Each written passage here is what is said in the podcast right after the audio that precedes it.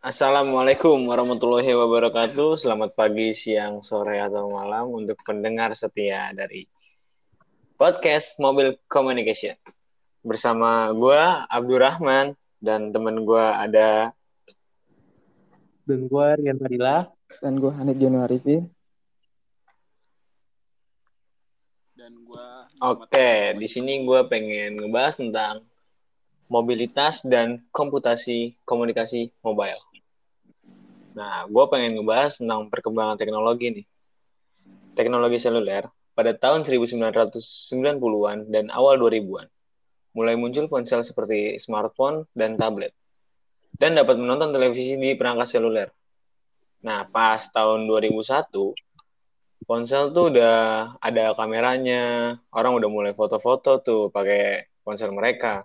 Nah, pas tahun 2015, muncul tren mengambil foto diri sendiri atau yang biasa disebut dengan selfie dan hampir sebagian orang memiliki tongsis. Kalau orang-orang Indonesia pasti pada tahu itu tongsis ya. Nah, pas tahun 2000-an uh, ponsel tuh menjadi cara menonton, mengambil foto, mendengar musik dan mengakses internet. Nah, pas saat ini ponsel sekarang memiliki WiFi. Jadi kalau dulu itu kita komunikasi kan pakai kartu kartu perdana gitu. Terus kita nelpon orang pakai nomor teleponnya terus pakai pulsa. Kalau sekarang kan udah pakai internet. Nah internet kan juga biasanya kan pakai kartu. Kalau handphone sekarang ini udah terhubung udah bisa terhubung langsung dengan wifi. Jadi tanpa kartu pun handphone lu bakal bisa buat dipakai internetan. Nah gue pengen ngasih tahu nih dampak dari mobilitas. Dia tuh ada dampak positif dan dampak negatifnya. Dampak positifnya apa sih? Nah, dampak positifnya itu mempermudah komunikasi seperti transaksi, jual beli, terus memenuhi kebutuhan sehari-hari. Semuanya bakal jadi lebih mudah. Nah, ada lagi dampak positifnya itu efisien dan menghemat tenaga dengan gawai yang terkoneksi internet. Nah, kalau dampak negatifnya meningkatkan kemungkinan terjadinya penipuan. Terus uh, ada otomatisasi di pabrik menambah jumlah PHK. Nah, itu aja dari gue. Kira-kira teman-teman lain ada yang mau nambahin dengan materinya masing-masing nggak?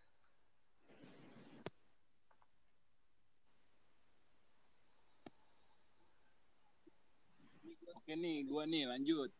Ini gue ada sedikit tahu lah dari materi komunikasi mobile. Jadi di dalam komunikasi mobile itu ada materi prak praktik perdagangan melalui media seluler. Atau juga itu apa mobile commerce. Yaitu mobile commerce dapat diartikan sebagai sistem perdagangan elektronik e-commerce dengan menggunakan peralatan portable seperti seperti telepon genggam, telepon pintar, PDA, notebook dan lain-lain. Nah, komponen-komponen mobile commerce ada tiga macam, yaitu yang pertama periklanan seluler. Periklanan seluler adalah komponen e-commerce ini terdiri semua ukuran periklanan yang digunakan untuk pembelian produk atau layanan. Yang kedua, ada pembayaran seluler. Pembayaran seluler adalah melibatkan pembayaran melalui ponsel cerdas atau tablet yang digunakan untuk belanja online, stasioner, dan seluler. Yang ketiga, ada mobile banking. Mobile banking adalah transaksi melalui bank diotorisasi dan diproses melalui telepon seluler melalui MTAN. Terus di dalam mobile commerce itu juga terdapat aplikasi. Yang pertama itu ada online travel application online travel application itu contohnya seperti Traveloka kayak bergerak pada bidang penjualan tiket wisata, tiket pesawat terbang, dan tiket kereta api. Terus ada juga marketplace. Marketplace adalah mobil commerce yang berbasis marketplace kini sudah semakin banyak. Kayak contohnya tuh Lazada, Shopee, sama Tokopedia. Yang ketiga itu selanjutnya ada mobile payment application atau m-banking.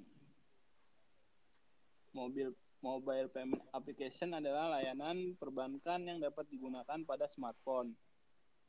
Jadi nggak usah kayak repot-repot ke ATM. Sekarang lewat handphone juga bisa kayak misalnya mau transaksi transfer atau transaksi bayar-bayar gitu melalui mobile banking. Yang gue tahu dari mobile commerce itu aja sih. Kira-kira teman-teman ada yang tahu lagi nggak nih di dalam komunikasi mobile ini? Lalu ada interaksi masyarakat melalui seluler media. Pengertiannya pertumbuhan ponsel yang telah menciptakan ruang untuk berbagi interaksi yang terjadi di luar tempat. Nah, khususnya ini adalah rumah atau sekolah. Untuk perempuan dalam budaya Arab khususnya, ponsel membesar lapisan perifer hubungan sosial. Hal ini juga menggantikan hubungan tetap muka secara remaja atau jenis kelamin atau berbeda. Ada tahu nggak fenomena interaksi seluler. Apa tuh Bang kira-kira kalau boleh tahu? Nah, di sini ada faktor kebudayaan. Interaksi melalui seluler yang menggunakan kesekan terhadap budaya. Oh, lalu ada faktor interaksi sosial asosiatif. Interaksi melalui seluler yang dapat mendorong terbentuknya keteraturan sosial. Dan ya yang ada teman nambahin Oke, di sini gue bakalan ngelanjutin apa yang barusan dijelasin. Di sini gue bakalan ngejelasin penggunaan media, media mobile, multimedia, dan desain. Dalam penggunaan media, terdapat proses pembelajaran yang merupakan salah satu upaya untuk menciptakan pembelajaran yang lebih bermakna dan berkualitas.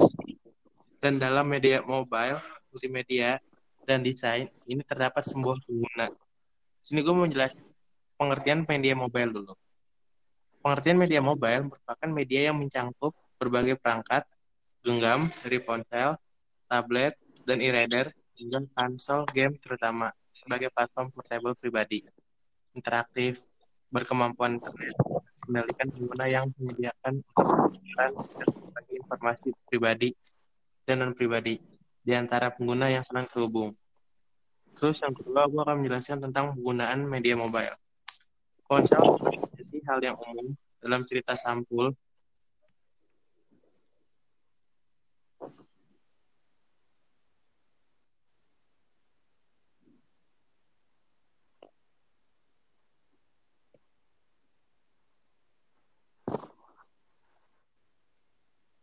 Waduh, kawan kita suaranya hilang nih.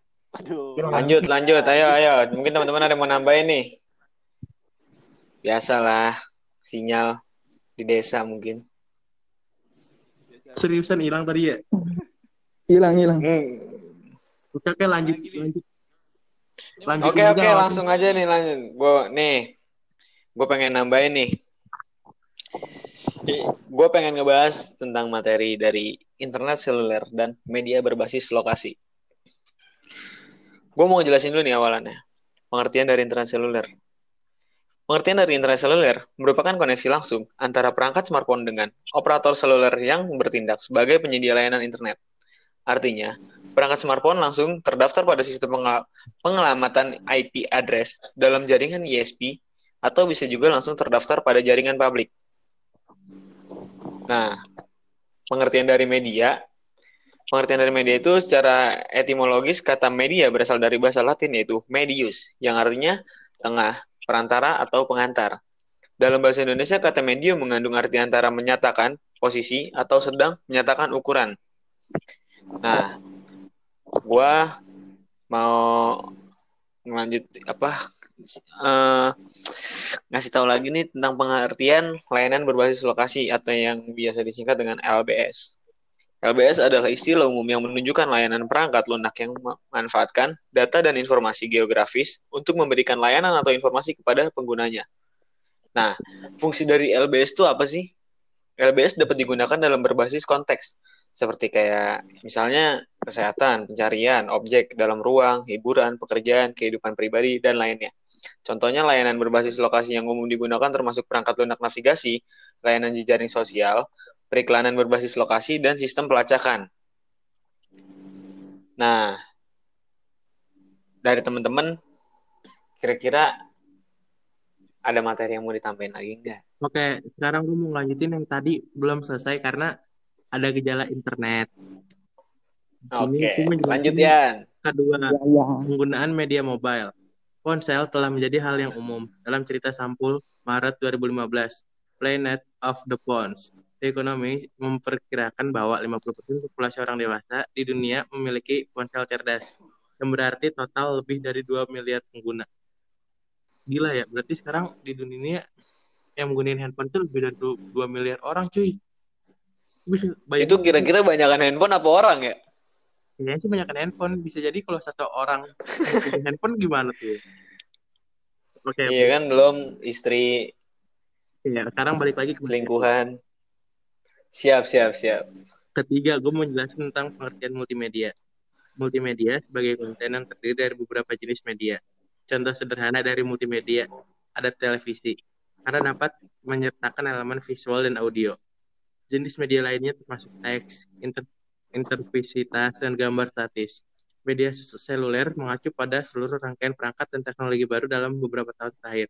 Nah, multimedia itu salah satu contoh ya yang sekarang kita pakai nih kayak Anchor di mana pun lu berada, tapi kita bisa ngobrol kayak layaknya WhatsApp atau telepon yang lainnya. Sekarang zaman udah canggih gitu. Itu aja sih menurut gua. Ada yang menambahin materi selanjutnya? Aduh, Acil kenapa keluar?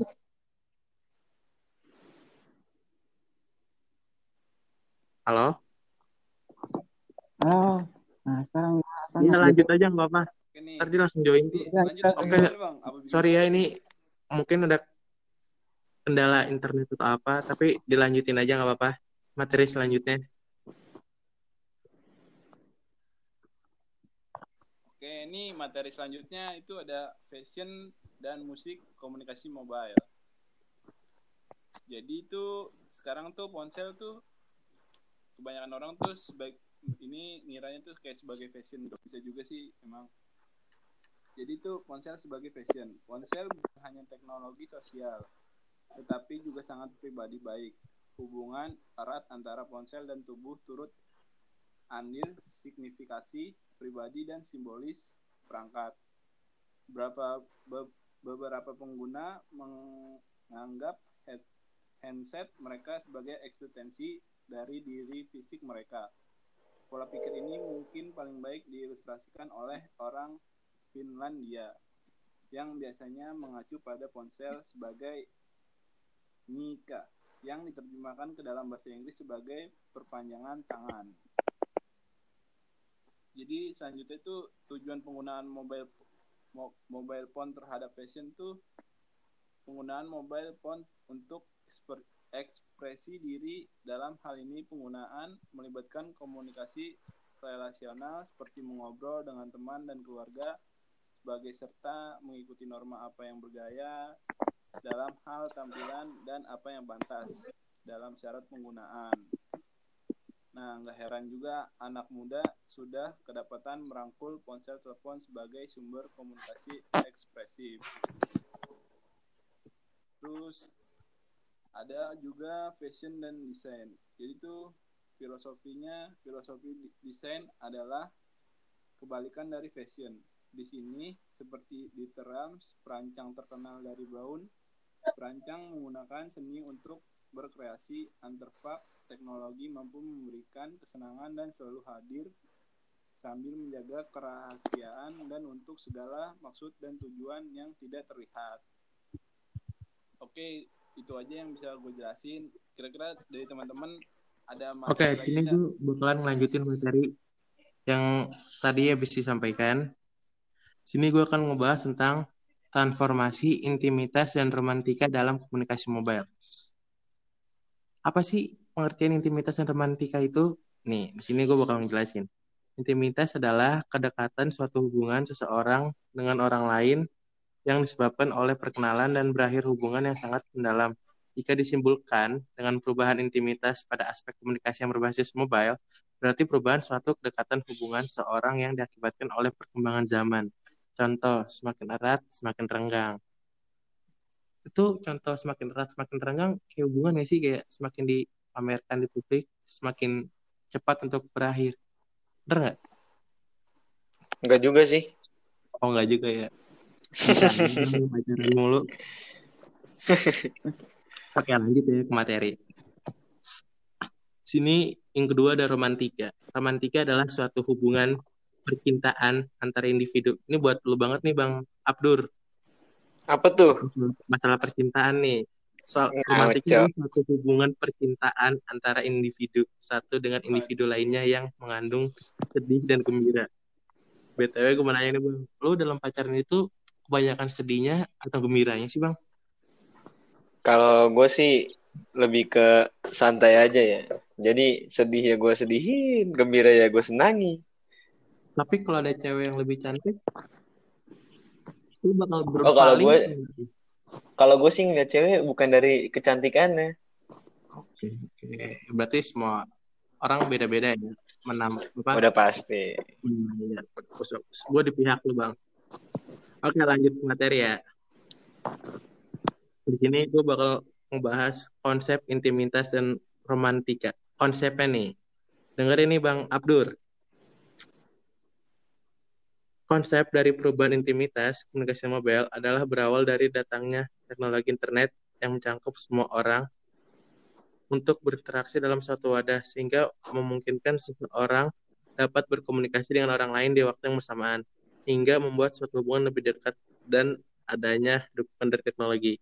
Oke, gue nanya lagi nih ke Bang Abdur. Bang Abdur, Ya apa? sekarang menurut lu enakan pacaran zaman sekarang atau zaman dulu? Kalau gue kan bukan orang dulu ya. Cuman iya. kalau dari sudut pandang gue, gue ngerasa kedekatan hubungan pada saat zaman dulu itu lebih erat ketimbang sekarang yang diatur jaraknya melalui media atau yang biasa kita sebut dengan ponsel. Soalnya apa? Kalau dulu kan kita kayak kangen itu kan ketemu. Nah, sekarang dengan adanya perkembangan zaman, orang tuh kalau kangen dalam berhubungan udah bisa dijangkau melalui video call. Emang sih bisa lebih memudahkan, cuman kalau menurut gua jarak antara kedekatan hubungannya menjadi kurang. Hmm, maksudnya memudahkan itu memudahkan untuk gampang selingkuh atau gimana ya bang? Bukan, bukan. Memudahkan Oh, bukan. untuk bertatap, berhubungan, berkomunikasi. Nggak kayak zaman dulu. Hmm, Kalau zaman dulu kan agak kayak- sulit nih. Kita harus, Oh, kalau iya, dulu harus iya, pakai telepati gitu kan. Telepati. Oke, lanjut ke materi ya. Ini yang ketiga ada dampak transformasi yang ditimbulkan. Pertama, tidak lagi bertatap muka secara langsung. Benar tuh yang apa yang tadi Bang Abdur jelasin atau ceritakan. Ditinjau dari definisi intimitas dan romantika. Penggunaan komunikasi mobile dapat mengurangi esensi dari hal tersebut. Maksudnya penggunaan komunikasi mobile dapat mengurangi esensi itu kayak mengurangi kayak harusnya setiap hari ketemu kalau kangen terus tatapan muka sekarang karena adanya kecanggihan teknologi kita bisa video call itu yang dimaksud dengan penggunaan komunikasi mobile dapat mengurangi esensi yang kedua lebih cenderung menyukai berkomunikasi melalui media daripada berkomunikasi secara tatap muka langsung nah yang baru banget gue jelasin kayak lebih suka video call atau teleponan daripada ketemu langsung bukannya begitu bang Abdur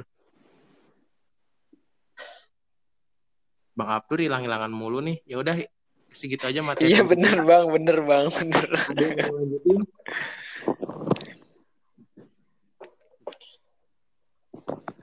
Ada yang mau ditambahin dari Mas Hanif atau Mas Dava? Atau Mas Rian mau lagi?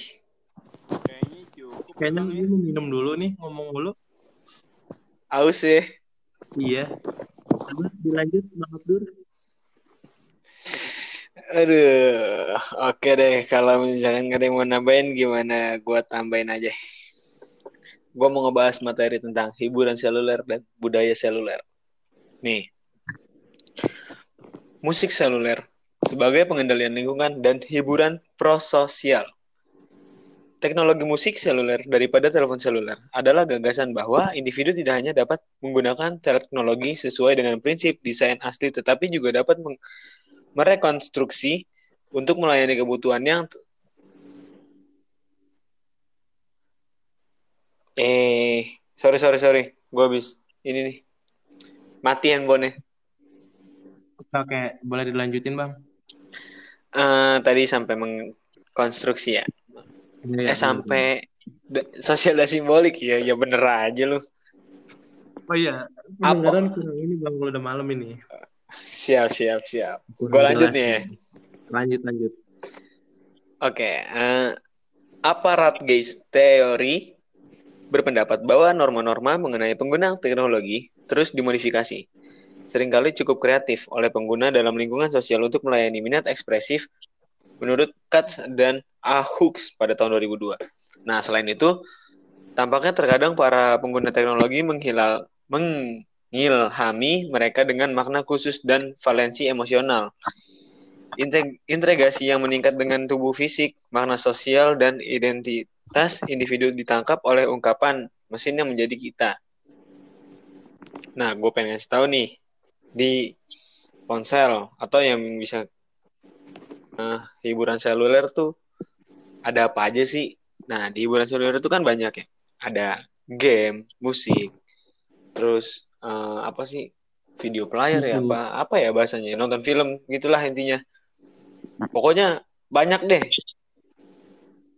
Nah, dari teman-teman kira-kira handphone itu lu gunain buat apa sih?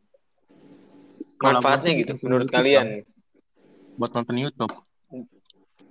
Itu yang paling lu pengen punya handphone, punya smartphone gitu buat nonton YouTube aja jadinya. Hmm, buat nonton YouTube yang berantem berantem.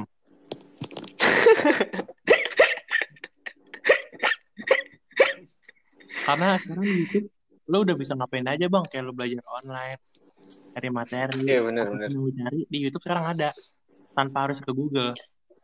Hmm, benar benar. Kira-kira nih ya, gue bener tuh kata lagunya Bang, Lex. YouTube, YouTube, YouTube lebih dari TV. Karena emang bener kan nyatanya YouTube jauh lebih dari TV. tapi YouTube udah lebih dari kampus belum bang kira-kira menurut lu? Menurut gue sih Kita kuliah perlu nggak sih? seiring berjalannya waktu dan zaman pun semakin canggih, gue rasa nih kuliah bakalan gini-gini aja online. Enggak lah, jangan dong. Interaksinya kurang. Iya benar, tapi semoga ya doa kita kita semua apa yang pengen diniin tercapai dan tidak terjadi lagi wabah virus seperti ini. Ya kalau yang lebih penting sih semoga gitu kan. Lagi covid gini merejeki lancar aja. Hmm. Sama pacar ya, langgeng. Udah bang, lanjut materi bang. Udah bang, kali ada yang mau nambahin kan kita jangan serakah. Oke, Boleh dilanjut? Oke, baik. Di sini adalah gua akan jelasin regulasi terhadap sosial media. Nah, pengertiannya Oke. regulasi berperan untuk menjaga kepentingan masyarakat dari kepentingan umum. Nah, di sini ada tujuannya. Tujuannya yaitu meminimalisir masyarakat yang memiliki potensi besar menjadi korban konvergensi media, khususnya generasi muda yang dianggap memiliki akses terhadap media konvergen dan racun batasan berapa jauh isi media konvergen yang dianggap melanggar norma yang berlaku. Nah, pada tahu gak contohnya apa? Regulasi. Eh, apa aja tuh bang? Nah, di sini contohnya yaitu YouTube. Nah, ini yang telah menghapus banyak video yang melanggar ketentuan kebijakan keselamatan anak, namun melanggar beberapa fitur platform telah merasa update untuk keselamatan anak yang dikembangkan perusahaan. Nah, di sini ada etika. Etika di sosial media. Pengertiannya nih. Sering dengan berjalan waktu, maka teknologi juga semakin berkembang pesat. Saat ini hampir sebagian seseorang bisa saling berbagi informasi serta berkomunikasi secara langsung dengan menggunakan media seluler dengan internet maka mereka lebih bisa menggunakan hemat waktu biaya dan bisa untuk berkomunikasi dengan siapa aja. Nah, di sini ada contohnya nih. Contoh permasalahan etika. Contohnya itu etika dalam berkomunikasi. Nah, lalu yang kedua itu ada pornografi dan aksi kekerasan. Lalu yang ketiga itu dengan berita. Lalu ada yang keempat itu uh, menghargai karya orang lain. Lalu yang ketiga itu membuli media sosial media media sosial bulian. Oke. Okay. Lanjutnya ada yang mau nambahin? Ayo lanjut. Ayo Mas Rian, barangkali ada yang mau disampaikan lagi buat teman-teman di sini biar podcast kita lebih bermanfaat. Oke, jadi gue bakal nambahin lagi nih materinya. Hmm. Bentar, bentar. Lagi loading dulu ya. Oke, siap. Ap yang loading orangnya apa? Apanya nih? internetnya jelek bang pakai tri sudah oh. saran aja nih gue bang jangan seringan minum kopi sama susu ini gue lagi makan roti nggak nyambung bang kopi susu tuh bang hmm, udah lanjut ke materi ya bang iya bang oke okay. siap bang ini gue akan menjelaskan tentang materi regulasi dan etika tahu etika kan bang Abdur udah pasti Hmm, jadi kalau orang menjelaskan, tolong diam dulu. Oke. Okay. Pengertian. Pengertian regulasi adalah suatu peraturan yang dirancang, dirumuskan, disusun atau dibuat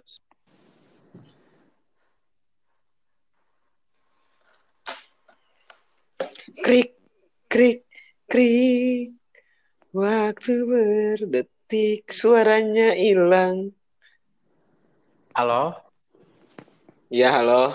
Hmm, suaranya hilang ya? Iya, Bang. Ya, maaf tadi. Mikir rusak ya, Bang? Oh, ada yang. Oke, dilanjut. Siap, siap. Yoi. Pengertian regulasi adalah suatu peraturan yang dirancang, dirumuskan, disusun, atau dibuat sedemikian rupa untuk membantu mengendalikan suatu kelompok masyarakat, lembaga, organisasi, dan perusahaan dengan tujuan tertentu.